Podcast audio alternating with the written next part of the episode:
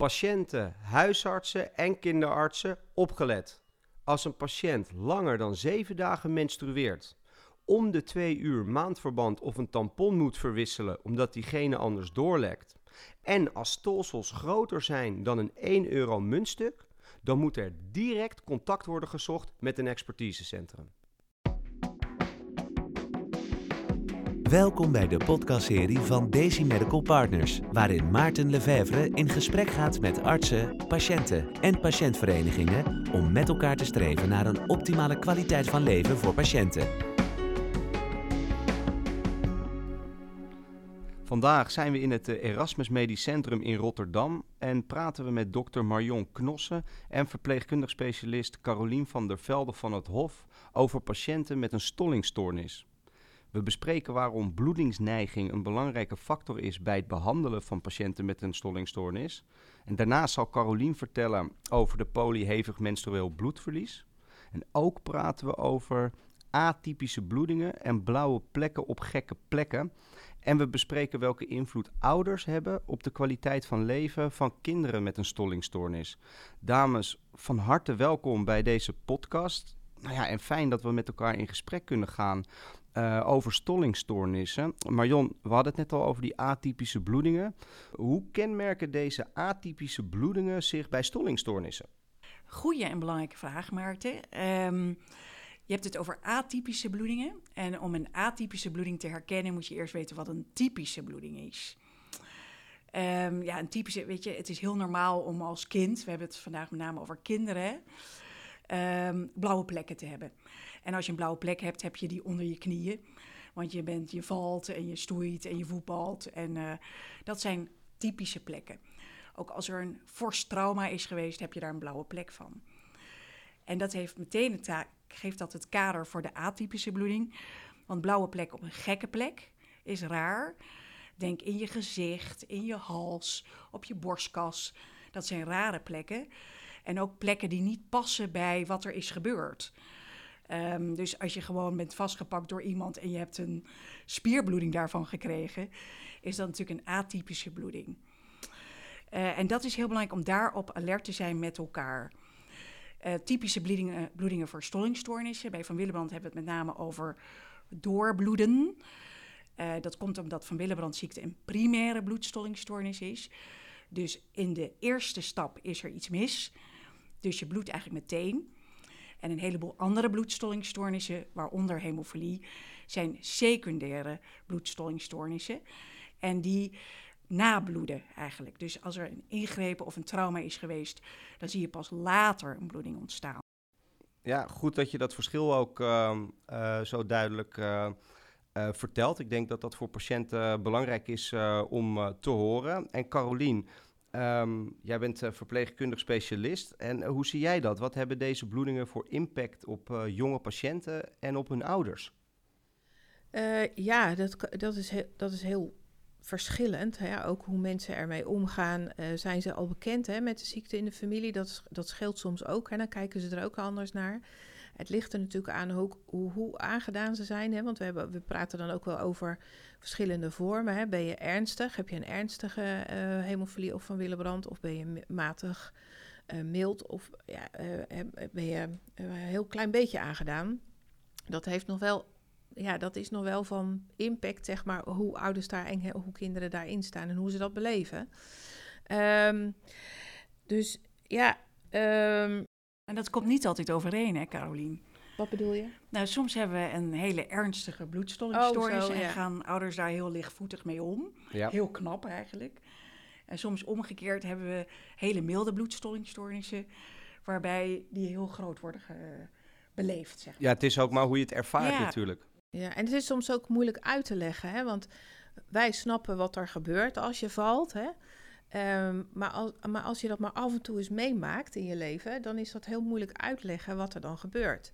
ouders trekken soms ook wel eens een beetje te laat aan de bel. En dan denken we, ja, hoe kan dat nou? Maar dat, ja, aan de andere kant, als je er dan goed naar de situatie kijkt, dan snap je het ook omdat ze het niet zo vaak meemaken. Ja, het is voor hun ook nieuw. En dan kijken ze het eerst maar eens een beetje aan en dan denken ze, oh ja, die knie wordt toch wel heel erg dik en nu kan hij niet meer lopen. Ja, nu wordt het wel eens tijd om te bellen. En dan is het eigenlijk net een beetje te laat. Dus het is ja, zoeken. Hè? Uh, met, met ouders en kinderen. En soms moeten we ze ook gewoon leren kennen van hoe, ja, hoe bloeden ze überhaupt hè? als ze uh, vallen. En moeten we dan altijd iets geven of kunnen we het ook nog aanzien? Dus het is echt tailor-made. Hè? Dus je ja. moet echt met, met de patiënt en met de ouders uh, ga je dat pad op, die patient journey in. Hè? Dus die reis die je maakt van hoe gaan we zo'n kind naar de uh, volwassen leeftijd uh, krijgen. Nou, mooi hoe je dat uitlegt. Ja. En uh, ja, ik zei het al in de introductie, kwam het al even terug. Hè? Jij runt de hevig menstru menstrueel bloedverlies poli. Um, voor welke patiënten is deze poli nu opgezet, Carolien?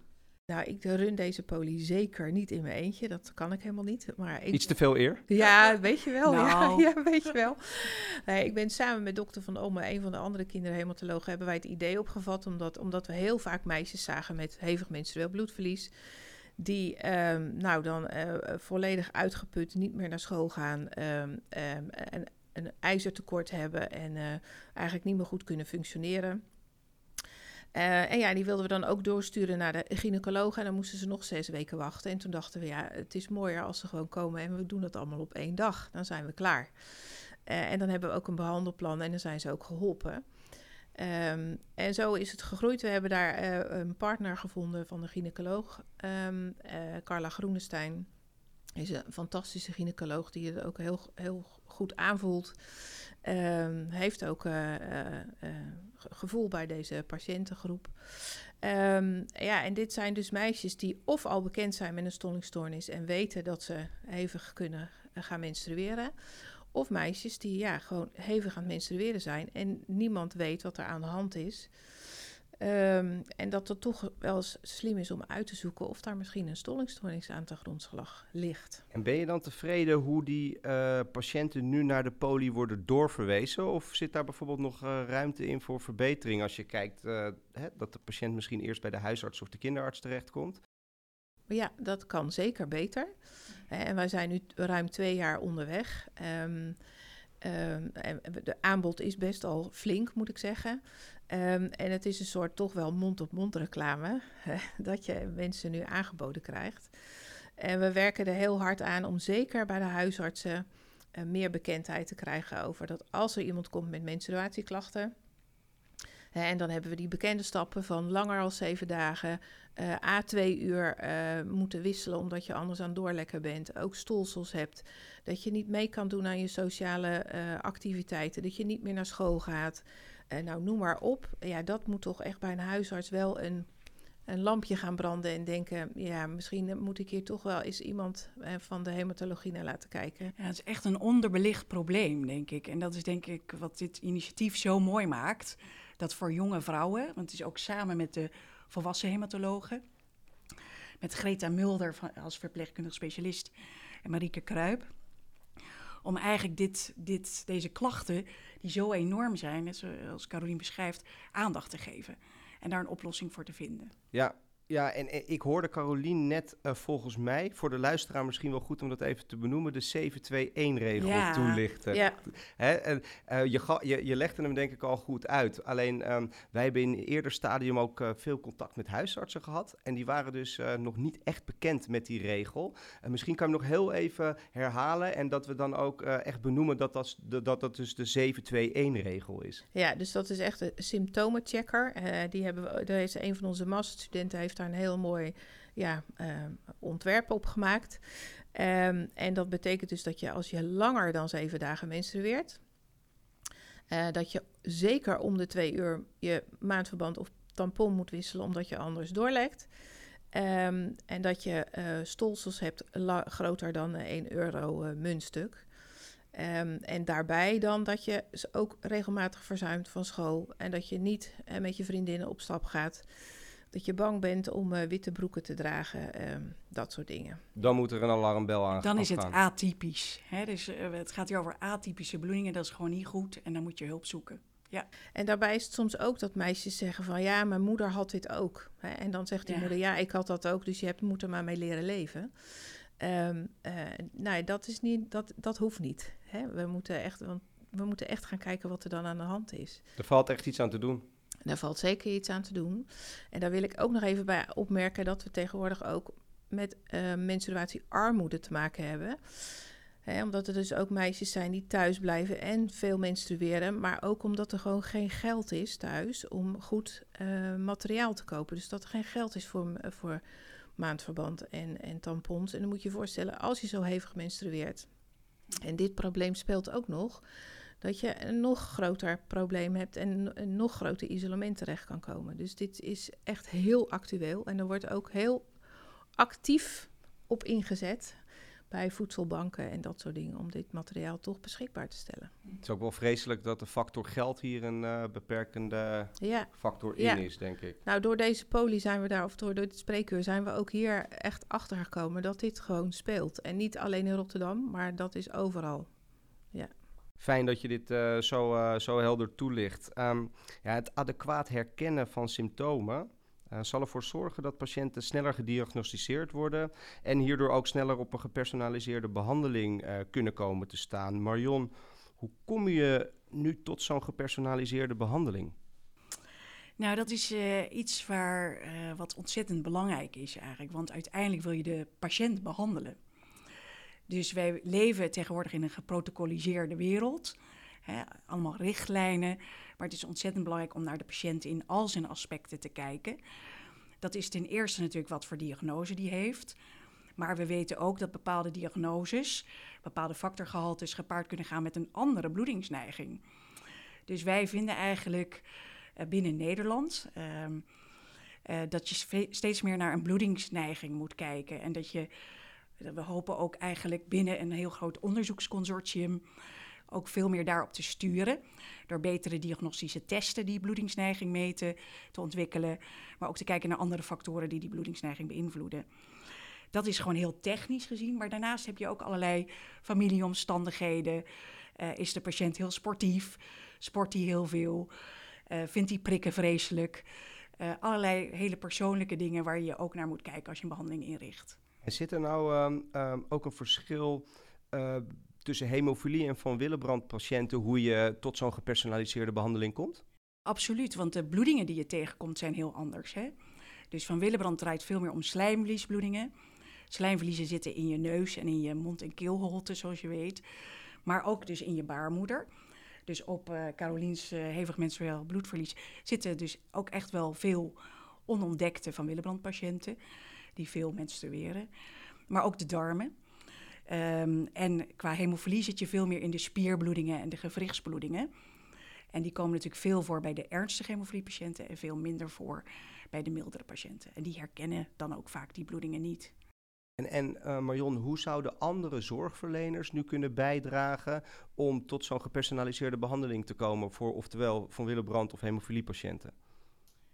Andere zorgverleners, dan heb je het over huisartsen en kinderartsen. Um, we hebben de zorg in Nederland zo georganiseerd, omdat het natuurlijk toch wel zeldzame erfelijke bloedstollingstoornissen zijn, dat er gespecialiseerde hemofiliebehandelcentra zijn. Dat zijn er zes in Nederland. En die zijn allemaal ontzettend laagdrempelig bereikbaar. Er zijn allemaal mensen die graag advies geven. Dat is denk ik een heel belangrijke take-home message. Um, en als jij vermoedt dat er sprake is van een bloedstollingstoornis op basis van atypische bloedingen, neem contact op met een hemofiliebehandelcentrum en die kunnen dan een gepersonaliseerde behandeling in gang zetten. Want dat zijn de experts. Ja, ik denk uh, een heel uh, duidelijk en concreet uh, advies voor patiënten die bijvoorbeeld met de 721-regel te maken hebben. Ja. ja, Carolien, en eh, ouders zijn over het algemeen dan vooral ook bij jonge patiënten vaak een onderdeel van het gesprek en uh, praten in bepaalde gevallen voor een patiënt. En hoe ervaar jij dat ouders omgaan met deze kwetsbare situatie? Ja, dat, dat is verschillend. Hè? Dus dat is voor ons ook altijd een beetje aftasten van ja, hoe staan deze mensen in het leven. Hè? Dus je kijkt niet alleen maar wat er aan de hand is, maar je probeert een beetje een, groot, een algemeen beeld te krijgen van deze mensen. Uh, van deze ouders. Van uh, ja, wat voor werk doen ze? Uh, zijn ze sportief? nou ja, je probeert daar een beetje een beeld van te krijgen. En ja, hand in hand gaan we het zeker het eerste stuk doen. Hè? Dus we zijn heel laagdrempelig te bereiken. Van maandag tot en met vrijdag onze telefoon. ze kunnen ons appen. Eh, wij bellen actief ook wel eens gewoon deze patiënten nog eens even naar van... goh, hoe gaat het nou? Hoe is het nou met je? Ehm, wij hebben natuurlijk ook oog voor allerlei andere zaken... van hoe ga je thuis regelen en kan je het met je, met je werk regelen... Nou, allemaal dat soort dingen. Ja, want wat raad je ouders nu uh, aan om... Uh, uh, wat kunnen zij eigenlijk bijdragen om tot een optimale behandeling te komen? Ik kan me voorstellen dat zij vanuit huis toch ook invloed hebben. Ja, uh, hoe bedoel je dat precies? Nou, uh, wat moeten ouders bijvoorbeeld wel en niet doen? in de, ik noem maar wat, de psychosociale begeleiding of hoe je omgaat met sport of ja. hoe, moet, ja. hoe, hoe, begeleid je een kind op school? Hoe, wat bespreek je aan de eetkamertafel? Ja, dus wij, wij gaan ook, wij doen wij begeleiden deze uh, patiënten en, uh, en ouders met name ook op leeftijdscategorieën. Hè. Dus we zeggen van, nou, dit is, dit is nog een baby, dus dan kan je dit verwachten. Nu gaat hij, op, nou, nu gaat hij lopen, hè. nu gaat hij de wereld ontdekken. Nu kun je dit verwachten. Oh, hij gaat naar de crash, prima. Dan hebben we een soort van zorgplan. Dat kan je invullen, dat kan je meegeven met het kind naar de, naar de crash, zodat ze weten wat ze moeten doen.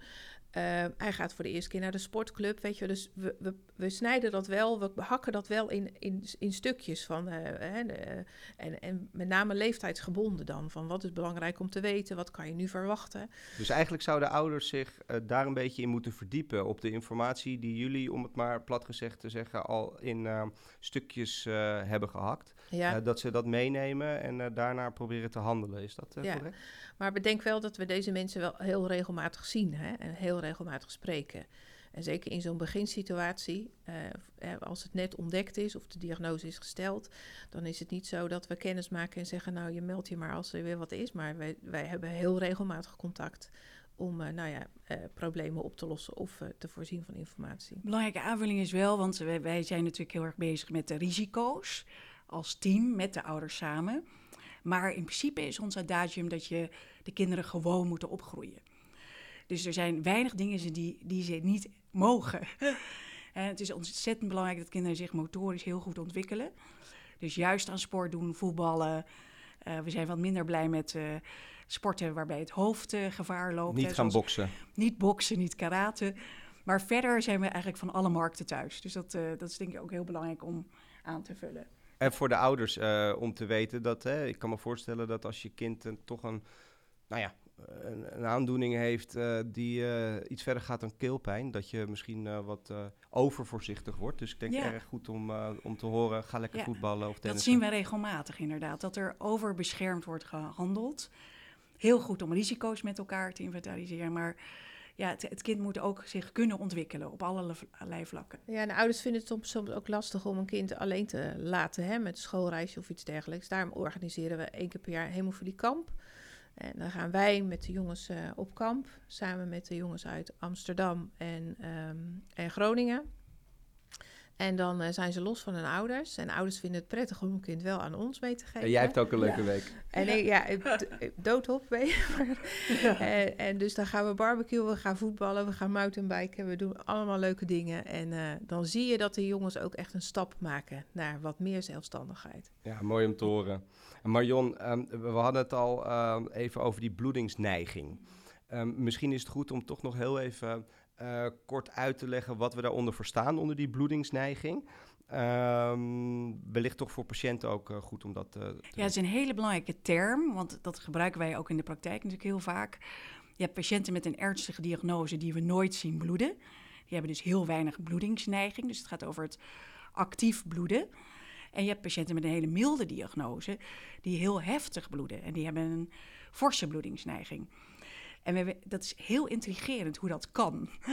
En er, ja, daar zijn we met z'n allen heel veel onderzoek naar aan het doen hoe dat, hoe dat werkt, hoe je dat kan ontrafelen. Maar het is wel belangrijk om daarop te sturen. Want de ene patiënt met een milde diagnose die heel heftig bloedt, zou je dus meer behandelen of beter monitoren dan een patiënt die dat niet doet. Dus dat, dat is wel heel leidend in onze werkwijze. En waar zit dan weer het verschil tussen hemofilie en van Willebrand bij die bloedingsneiging? Ja, een goede vraag. Uh, hemofilie heb je in allerlei soorten ernst. Je hebt ernstige, matig ernstige en mild. En dat uh, wordt eigenlijk gedefinieerd door de hoeveelheid resterende stollingsfactor, factor 8 of factor 9. Um, ehm, dat is in grote delen bepalend voor de bloedingsneiging, maar niet helemaal. En dat is waar dat intrigerende zit. Bij Van Willebrand heb je nog veel meer types. Uh, grofweg type 1, 2 en 3. Waarbij type 3 het ernstigste is. Maar ook daar, Carolien weet precies wie ik bedoel, hebben we een aantal patiënten met type 3 die nooit bloeden, die we nooit zien. Dus de diagnose is heel belangrijk, dat zal ik niet ontkennen. Maar de bloedingsneiging die daarbij vertoond wordt, is ook van belang. En moet je eigenlijk apart noteren en hopen we een keer beter te begrijpen. Ja. En dat is ook die, die patiëntenreis die je maakt ja. door, de, door de tijd heen. Dat je zo'n zo kind ook gaat leren kennen en, en denkt van... oh ja, maar als deze valt, dan moet ik nu wel gelijk actie ondernemen. Want dit is een bloeder. Ja. Dus uh, ja. En daar denken we ook dat we daarop gaan sturen. Ja. Dat we patient journeys gaan ontwikkelen. Dat wordt binnen het Symphony Consortium ook gedaan. Uh, op bloedingsneiging en niet zozeer op diagnose. En ik denk dat dat een enorme toevoeging is aan onze huidige behandelingsstrategie. Ja, ja ik, um, um, ik denk dat dat een heel mooi antwoord is uh, voor de luisteraar. En um, uh, kunnen ouders of huisartsen of kinderartsen hier nog een rol in spelen? Of zeggen jullie, dit, uh, dit valt echt binnen het expertisecentrum? Nou, het, het, is eigenlijk weer, de cirkel is rond, zeg maar zeggen. Die atypische bloeding is dus een bloedingsneiging. Ja. Hè, dus dat, dat is een bloeding die niet klopt. En uh, dus daar moeten we met elkaar alert op zijn, want wij krijgen de patiënten niet zonder de huisartsen en kinderartsen doorverwezen. We hebben natuurlijk nogal wat familiaire patiënten, hè, waarbij het in de familie zit. Die uh, vangen we eigenlijk al op vlak, vlak, na de geboorte, wordt de diagnose ook gesteld. Maar er zijn een heleboel de novo, dus nieuw ontstaande patiënten of patiënten die nog niet gediagnosticeerd zijn. En daar zijn we afhankelijk van elkaars alertheid. We weten inmiddels dat de psychosociale impact voor patiënten en mantelzorgers met een uh, stollingstoornis best groot kan zijn. Marion, uh, welke psychosociale klachten zie je vaak bij je patiënten? Uh, en welke bijvoorbeeld minder vaak, maar die bijvoorbeeld wel weer een grote impact hebben? Dat is best wel een hele grote vraag, Maarten. Ja, ja precies. Dacht ik ook al toen ik, toen ik hem stelde. Ja, nou ja, wat Carolien eigenlijk, ik haak eigenlijk aan wat Carolien zei, dat is heel erg afhankelijk van de type bloedstollingstoornis die is gediagnosticeerd, de bloedingsneiging en het gezin waarin dit gebeurt. Um, en wat we veel zien en waar we voor waken is overbescherming. Um, we proberen toch de kinderen, uh, nou ook met het hemofiliekamp, met de hemofilieschool die we hier ook doen, ja, te, van alles over hun ziekte te laten weten. Dus goede educatie, wat is het en wat is het niet. En wat is het niet, is natuurlijk heel erg dat je het je niet moet laten beperken in je ontwikkeling. En um, ik denk dat dat iets is waar we als team heel erg voor waken. Dat de psychosociale impact niet te groot ja. wordt. En wat ik denk, wat we hebben natuurlijk ook samen in meetings gezeten met mantelzorgers, et cetera. En wat daar heel erg speelt, is dat het dat bepaalde diagnoses niet onderkend worden of niet gezien zijn. Um, en als je natuurlijk met iets rondloopt wat, waar je heel veel klachten van hebt door een enorme bloedingsneiging. En dat, je hebt het gevoel dat je geen goede hulp krijgt. Of dat je niet, uh, zoals op de HNB-poli, de goede hulp krijgt.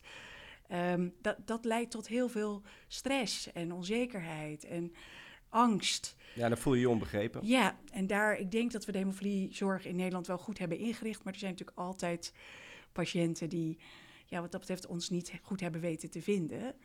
Uh, en daarvoor zitten we ook bij elkaar vandaag om meer aandacht te vragen voor bloedstollingstoornissen in het algemeen.